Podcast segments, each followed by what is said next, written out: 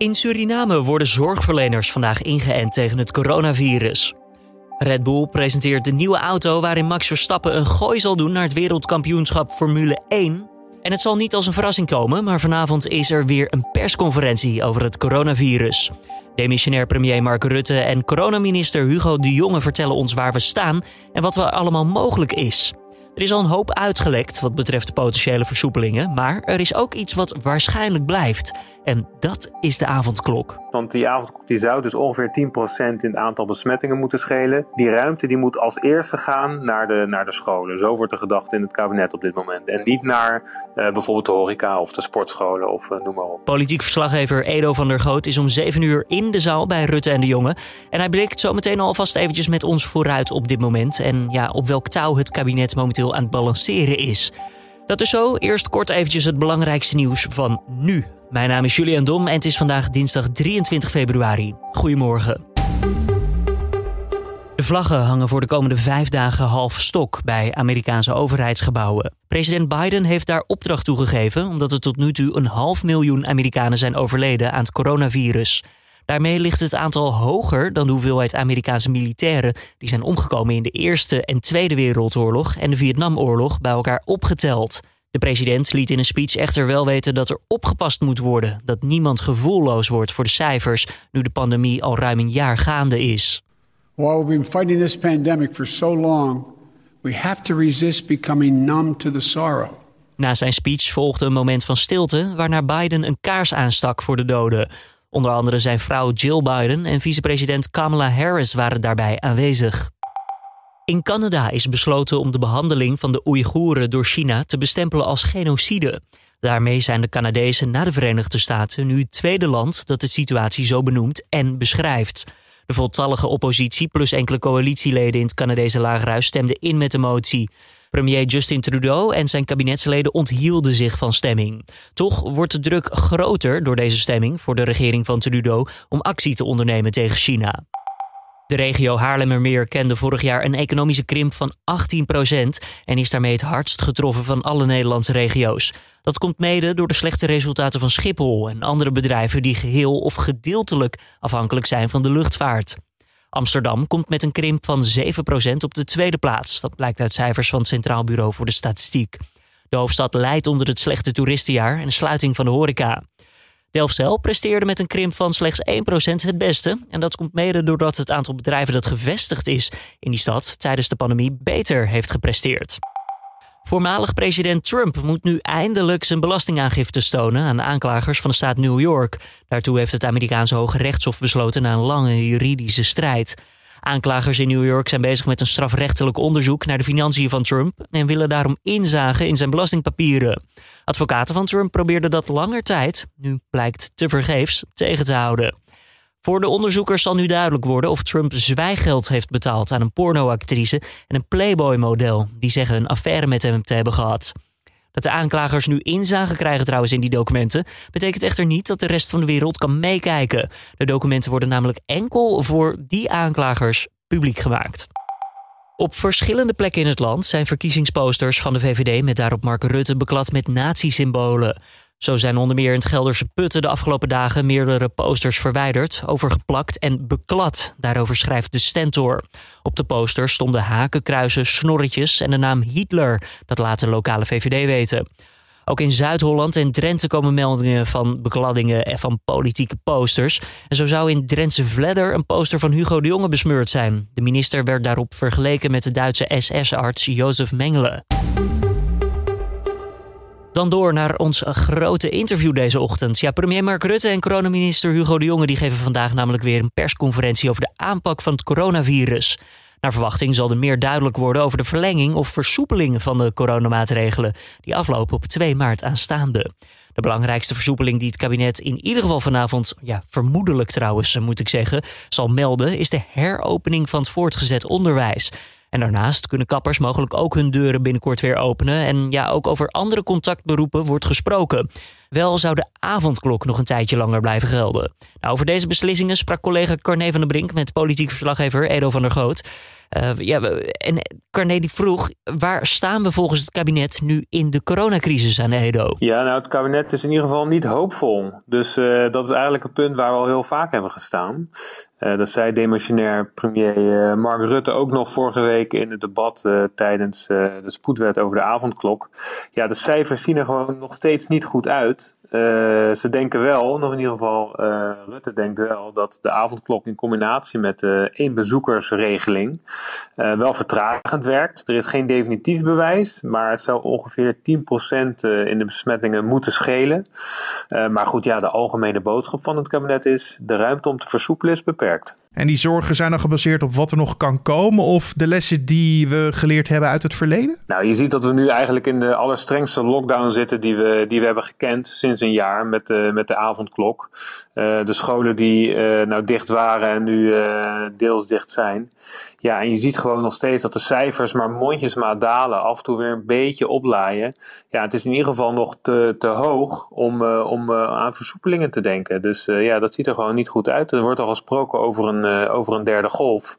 Uh, ja, die, uh, die komt sowieso op ons af. En uh, ja, dat hebben we eigenlijk maar een beetje te slikken. Dus wat dat betreft denkt het kabinet, ja, we kunnen hier tot nu toe met alle middelen die we hebben ingezet niet veel meer aan doen. Want het kabinet twijfelt niet over de komst van een derde golf, of die er wel of niet komt. Die staat gewoon vast? Ja, dat, dat, dat wordt dan, hebben ze rechtstreeks uit de modellen van het, van het RIVM. Die, die hebben dat allemaal becijferd. En die denken dat, dat, dat die daar gaat komen inderdaad. En dat we dat gaan merken in de ziekenhuisopname. En er zijn ook ziekenhuizen die houden daar al, hè, die treffen ook al voorbereidingen. Dus dat is niet alleen wat het kabinet denkt. Uh, maar ja, goed, dat, uh, dat komt regelrecht uit de modellen van het, uh, van het OMT en het RIVM. En daar moet je dus ook je beleid op gaan aanpassen. Want je kan niet nu opeens alles opengooien. als je weet dat dat voor de deur staat, denk ik zo. Nee, ja, en met die besmettelijkere variant van het Britse virus. Hè, hoeveel besmettelijker die nou precies is, dat is nou nog een beetje de vraag. Maar dat die besmettelijker is, dat, dat is wel duidelijk ja, die, uh, die, die krijgt een enorme uh, ja, aanloop in Nederland. En uh, we zien gewoon steeds meer besmettingen van die Britse variant. En dat is wat het kabinet ook ziet. En die ziet dat het gewoon de verkeerde kant op gaat. Dus ja, versoepelingen zitten gewoon nog niet in. Je zei net natuurlijk al dat we in een hele zware lockdown nu zitten. veel maatregelen, zware maatregelen. merk je wel dat het kabinet nog steeds veel draagvlak heeft? Nou, er is wel onderzoek door gedaan door INO Research op 17 februari. En je ziet dat er nog wel redelijk wat draagvlak is. Een grote meerderheid, bijna zo'n 70% van de ondervraagden, die eh, staan nog wel achter de coronamaatregelen. Al flink dat percentage wel, want dat was uh, eh, 75% en dat zit dan nu, uh, was eind januari en dat zit dan nu op 68%.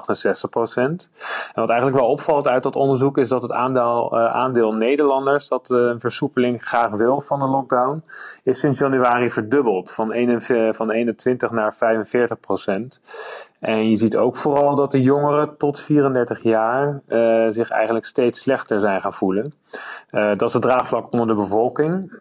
maar je ziet onder het draagvlak in de Kamer, ja, dat, dat is er eigenlijk. Er is natuurlijk altijd wel forse kritiek over hoe alles wordt uitgevoerd. Uh, maar uiteindelijk steunt een grote meerderheid van de Kamer steunt wel de coronamaatregelen. Dat zie je ook bij de avondklok, meest ingrijpende misschien wel, samen met de bezoekersregeling. Ja, er is gewoon een grote Kamermeerderheid in de Eerste en Tweede Kamer die die, die maatregel steunt. Al zijn natuurlijk wel steeds meer vragen en het, uh, ja, het chagrijn groeit wel, ook in de Kamer. En als je het hebt over de avondklok, dan moet je natuurlijk kijken naar vorige week. Wat er toen allemaal gebeurde, de rechtszaken, de spoedwetten. Uh, je kan het een debakel noemen. Uh, hoe groot zal het litteken daarvan zijn? Ja, wat het vooral heeft laten zien is hoe klungerig er te werk is gegaan met zoiets belangrijks. En ja, het chagrijn is alleen maar groter geworden sindsdien. En uh, dat merkte je ook in dat debat. En het kost al veel moeite om de partijen te overtuigen dat het echt nodig is, die avondklok. Dus iedereen uh, ja, ging min of meer morrend akkoord eigenlijk. Ja, en dat is er gewoon niet beter op geworden door juridisch geklungel. Ja, dat ja, litteken weet ik niet. Alleen ja, goed, de, de Kamer staat wel op scherp. En ze, zijn, uh, ze zijn wel nog scherper op waar het kabinet nu mee komt. Het moet gewoon, kijk, de, de, maatregelen zijn zo ontzettend ingrijpend. Er wordt wel van uitgaan dat het juridisch allemaal deugt. Want hoe wil je anders de bevolking achter je krijgen als jij met een wet komt en de rechter zegt, ja, die wet is helemaal niet geldig. Ja, ga dan maar eens uitleggen dat een volgende wet wel geldig is om dat virus te bestrijden. En daar gaat het allemaal om. En Rutte heeft natuurlijk gezegd dat is de zwaarste maatregel die we kunnen nemen. En die wil ik ook eigenlijk niet nemen, maar hij is nodig. alleen ja, we gaan iets versoepelen, zo lijkt het. Alleen de avondklok blijft. Wat is daar de, de, de reden achter? Weet je dat? Ja, ze proberen, de, de avondklok zou eigenlijk het eerste zijn dat, uh, dat zou sneuvelen, had, had Rutte wel gezegd. Uh, nou ja, goed, dat, dat, dat blijkt toch niet helemaal het geval. Ja, de, de, de cijfers, de coronacijfers, die, die blijven gewoon simpelweg te hoog. Maar tegelijkertijd is de nood van thuiszittende jongeren. de basisscholen zijn natuurlijk deels open. En het gaat nu over de middelbare scholen, die misschien mondjesmaat weer open kunnen. Ja, dat, dat, daar groeit, ontstaat ook een enorm probleem. En daar, daarin zag je ook of daarin zie je ook in de debatten met de, met de Kamer, dat er echt de roep om eh, de scholen toch weer open te doen. Uh, ten koste van alle andere, van, ten koste van de economie eigenlijk. Want liever de scholen open dan, dan de winkels open is uh, teneur. Want ja, dit, dit knaagt natuurlijk aan jongeren die, die echt wel baat hebben bij, bij sociaal contact. Nou goed, ga, ga maar na dat als jij wekenlang thuis moet zitten in plaats van dat je elke dag op schoolplein met je, met je vrienden afspreekt ja, dat, dat is een uh, enorm mentaal offer. En uh, ja, daar, daar wil het kabinet zo snel mogelijk, uh, zo snel als mogelijk wat aan doen. ja, dan maar die avondklok in stand houden en de scholen een klein beetje openen. Dat is wat ze nu proberen het is echt een wisselwerking zoals je het nu voorbij ziet komen. Het ene wel, maar het andere kan nog niet. Nou, het is meer zo dat de ruimte die de avondklok geeft, want die avondklok die zou dus ongeveer 10% in het aantal besmettingen moeten schelen. Die ruimte die moet als eerste gaan naar de, naar de scholen. Zo wordt er gedacht in het kabinet op dit moment. En niet naar uh, bijvoorbeeld de horeca of de sportscholen of uh, noem maar op. Want er is natuurlijk wel veel chagrijn bij sectoren die nog niet uh, aan de beurt zijn in de hele reeks van versoepelingen. Zoals de horeca, die opnieuw een rechtszaak gaan beginnen tegen de staat. Ehm, hoe zal het kabinet daarnaar kijken, denk jij? Ja, er is natuurlijk geen sector uh, inmiddels uh, die niet heeft aangeklopt om te zeggen van dat zij wel manieren hebben om, uh, om toch weer veilig open te gaan. Ja, iedereen probeert natuurlijk alles wat ze kunnen. En er is ook wel iets mogelijk. Dat hebben we gezien met die, met die proeven van afgelopen weekend. Dat ze toch weer proberen evenementen te gaan houden met, met sneltesten. En er is gevoetbald met, met een klein beetje publiek. Ja, er zijn natuurlijk wel wat dingetjes die, die bewijzen van experiment wel mogelijk zijn. Maar goed, grootschalig is dat allemaal nog niet. En uh, kijk, de vaccinatie uh, is, is, uh, wordt, is, is nu bezig. Hè. We zitten nu ongeveer op 1 miljoen vaccinaties. maar goed, dat is alsnog te weinig om echt grootschalig te werk te gaan. En dat is een beetje de spagaat waar het kabinet in zit. En dat zal waarschijnlijk ook wel de boodschap zijn van ja, het, het, komt een beetje op gang met die vaccinaties. Dat is onze beste kaart om uit deze crisis te komen. alleen daar zijn we gewoon nog niet. Nog niet ver genoeg in ieder geval om, uh, om grootschalig de, de maatschappij weer te openen. En denk je dat dit ook allemaal mee zal gaan spelen uh, tijdens de verkiezingen? Dus de, de hele crisisbestrijding van het kabinet? Ja, dat, uh, dat speelt natuurlijk al een enorme rol. Uh, corona drukt eigenlijk alle andere onderwerpen naar de achtergrond. Dat, dat zie je in alles. En dat is ook niet zo gek. na dit weekend is dat nog duidelijker geworden dat corona een, een rol gaat spelen. Want je zag de VVD die de campagne is gestart eigenlijk met grote pagina grote krantadvertenties. Met daarop het gezicht van Mark Rutte. Uh, met de tekst samen naar de eindstreep en verder. En ja, wat je, wat je daar eigenlijk impliciet wordt geroepen uh, is van ja, kijk, er is al een jaar lang uh, leidt Rutte ons door deze crisis heen. nou, dat, dat gaat niet heel goed. Alleen je ziet wel uit de kiezersonderzoeken en je ziet ook in de peilingen dat de overgrote meerderheid van Nederlanders dat wel waarderen, hoe dat gebeurt. Ze denken bij, bij Rutte zijn we veilig, dus aan de hand van Rutte kunnen we deze crisis wel weer uitkomen. Uh, ja, en dat snapt de VVD natuurlijk ook wel. Dat zij dat voordeel hebben, dat zij op dit moment de leider hebben die, uh, die deze crisis managt. En ja, mensen houden dan op dat moment niet echt van verandering, blijkt wel. Uh, want de VVD heeft echt sinds de corona-uitbraak echt afstand genomen in de, in de gemiddeld in de, in de peilingen. Uh, je ziet ook uit onderzoek dat uh, het vertrouwen in, in het kabinet, vertrouwen in de politiek echt is gestegen. Dat was in ieder geval een onderzoek van afgelopen zomer uh, vanwege de crisisbestrijding. Dus ja, corona en campagne, dat, dat zijn twee handen op één buik op dit moment. Maar ze hebben toch juist gezegd dat ze de aanpak van de coronacrisis niet een politiek spel willen maken. Dus niet willen gebruiken voor de verkiezingen? Ja, never talk strategy natuurlijk. Dus ze zeggen van het is geen onderdeel van, van de campagne.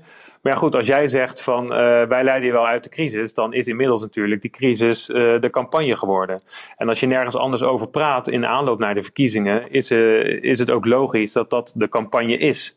dus die persconferenties, de debatten, alles daaromheen, de vragen over corona, ja, dat, dat is natuurlijk allemaal uh, campagnemateriaal. Uh, het is alleen niet zo chic om dat op die manier zo hardop uit te spreken. Van we gebruiken die crisis om uh, campagne te voeren. Dus dan zeg je het tegenovergestelde. Uh, maar impliciet is het natuurlijk zo dat dit met beide handen wordt aangegeven, in ieder geval door de VVD, om hier een campagnethema van te maken. Het campagnethema. Vandaag dan weer zo'n bepalend moment. De persconferentie van 7 uur vanavond.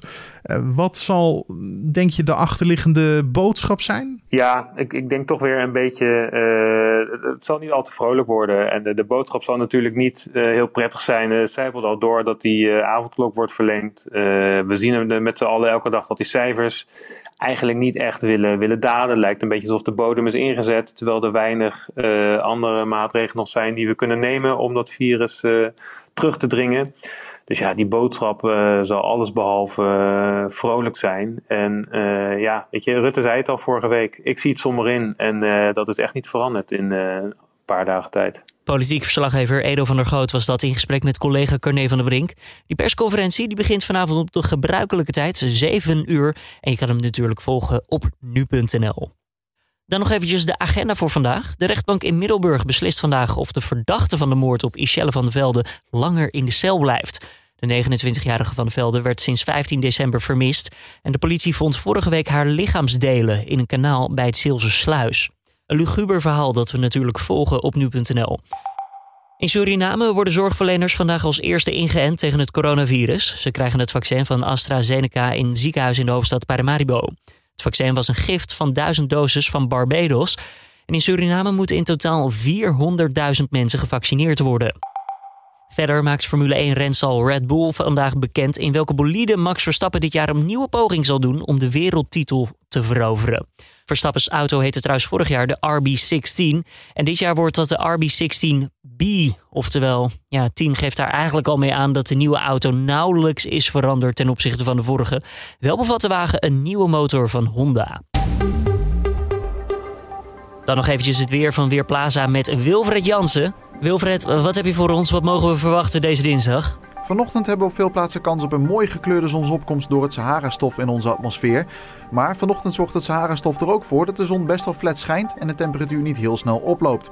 Vanmiddag wordt de hoeveelheid stof geleidelijk wat minder, wordt de lucht ook wat blauwer en dan wordt het alsnog zeer zacht op de meeste plaatsen. Met op uitgebreide schaal temperaturen tussen 13 en plaatselijk 18 graden. Langs de, Friese, langs de Friese westkust en ook op de Waddeneilanden is het door het koude water een stuk kouder. Met daar temperaturen met moeite rond een graad of 10. En dankjewel weer Wilfred Jansen van Weerplaza. Om af te sluiten nog eventjes dit. Uh, Carné, uh, ja collega, mocht je luisteren. Dit is ook belangrijk nieuws voor jou. Uh, ja, mocht je het willen weten, Carné is groot fan van Robbie Williams. Nou, de Britse zanger Robbie Williams dus krijgt zijn eigen levensverfilming. De film Better Man wordt geregisseerd door Michael Gracie, die eerder The Greatest Showman maakte. Kijkers krijgen de hoogte- en dieptepunten van Williams te zien. En ook wordt duidelijk hoe hij omging met beroemdheid op jonge leeftijd. Ja, mocht je het niet weten, Williams was als 16-jarige lid van Take That.